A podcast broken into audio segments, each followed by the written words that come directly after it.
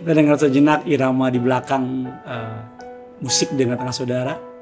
Hai siarkan di gunung, di bukit dan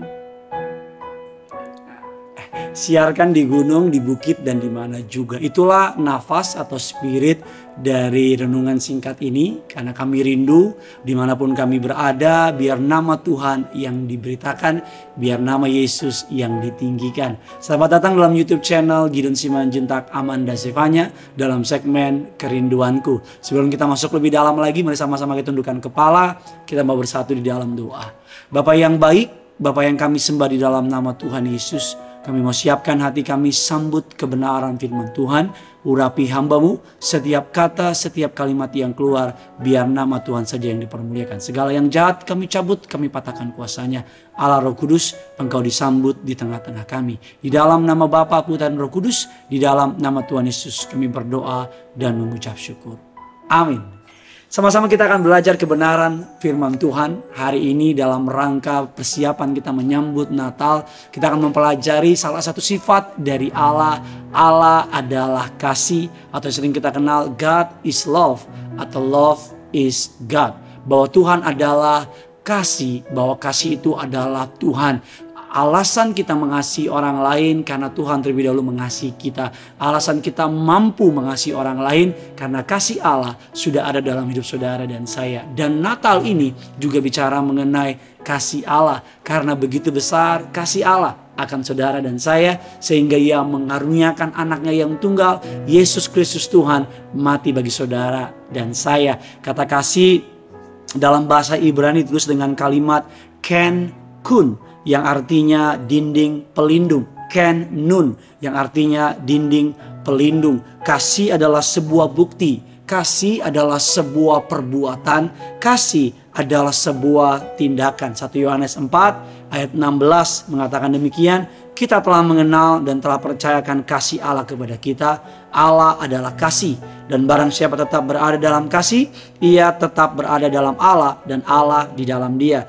Dalam hal ini kasih Allah sempurna di dalam kita, yaitu kalau kita mempunyai keberanian percaya pada hari penghakiman, karena sama seperti Dia, kita juga ada di dalam dunia ini. Di dalam kasih tidak ada ketakutan. Kasih yang sempurna melenyapkan ketakutan, sebab ketakutan mengandung hukuman. Barang siapa takut, ia tidak sempurna di dalam kasih. Kita mengasihi karena Allah telah terlebih dahulu mengasihi kita. Alkitab katakan Allah mengasihi saudara. Dengan jalan apa? Mengaruniakan anaknya yang tunggal kepada saudara dan saya. Renungan apa yang bisa kita pelajari pada pagi hari ini mengenai Natal, mengenai kasih.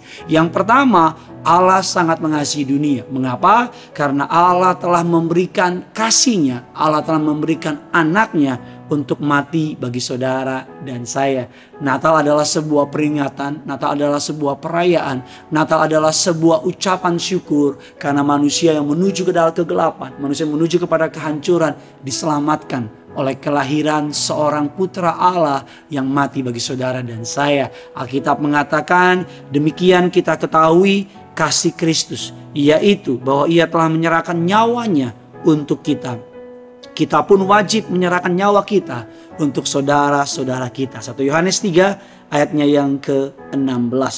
Alkitab katakan dia yang tidak mengenal dosa dibuatnya menjadi dosa karena kita supaya di dalam dia kita dibenarkan oleh Allah. 2 Korintus 5 ayatnya yang ke 21. Mengapa Natal ini bicara mengenai kasih? Karena Allah telah mengaruniakan anaknya yang tunggal mati menebus dosa saudara dan saya. Mengapa Natal berbicara mengenai kasih? Karena dunia yang menuju kegelapan melihat terangnya yang ajaib. Firman Allah mengatakan dalam 1 Yohanes 1 ayat yang ke-15 mengatakan demikian. Dan inilah berita yang telah kami dengar dari dia dan yang kami sampaikan kepada kamu. Allah adalah terang dan di dalam dia tidak ada sama sekali kegelapan. Ayat yang ke-16 mengatakan, jika kita katakan bahwa kita beroleh persekutuan dengan dia, namun kita hidup dalam kegelapan, kita berdusta dan kita tidak melakukan kebenaran. Kegelapan dalam bahasa Yunani menggunakan kalimat pos yang artinya sulu. Pelita artinya cahaya. Mengapa Yesus mengatakan di dalam di dalam tidak ada kegelapan?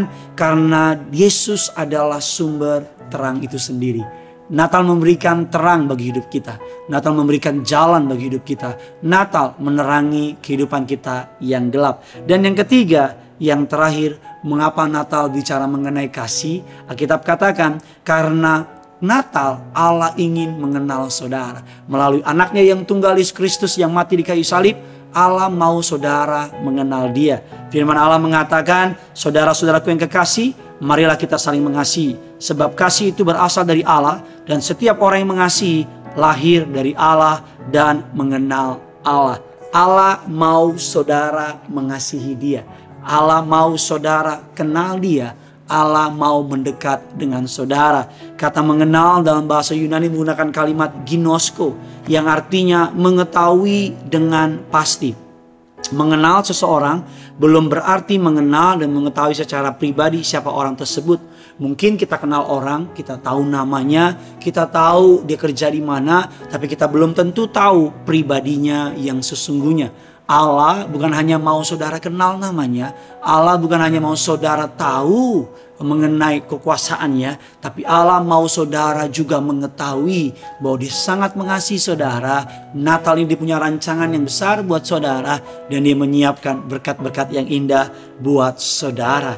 Oleh karena itu, siapkan hatimu. Saya percaya di Natal ini ada mukjizat, di Natal ini ada jawaban doa. Di Natal ini ada pertolongan dari surga. Siapkan hati saudara untuk boleh menjadi berkat. Siapkan hati saudara untuk makin mengenal dia di Natal ini. Siapkan hati saudara untuk melihat terang kasihnya memberkati saudara. Dan siapkan hati saudara untuk dipakai Tuhan menjadi alat bagi kemuliaan namanya. Jangan lupa komentar di bawah sini bagaimana perasaan saudara mengenai kasih Allah. Dan jangan lupa like, subscribe, dan bagikan sebanyak mungkin tentang kasih Allah ini. Agar semakin banyak orang mengenal kasih Allah, semakin banyak orang mendekat kepada dia, semakin banyak orang yang diselamatkan oleh kasih Allah. Yang punya surga, crazy in love with you. Bye-bye.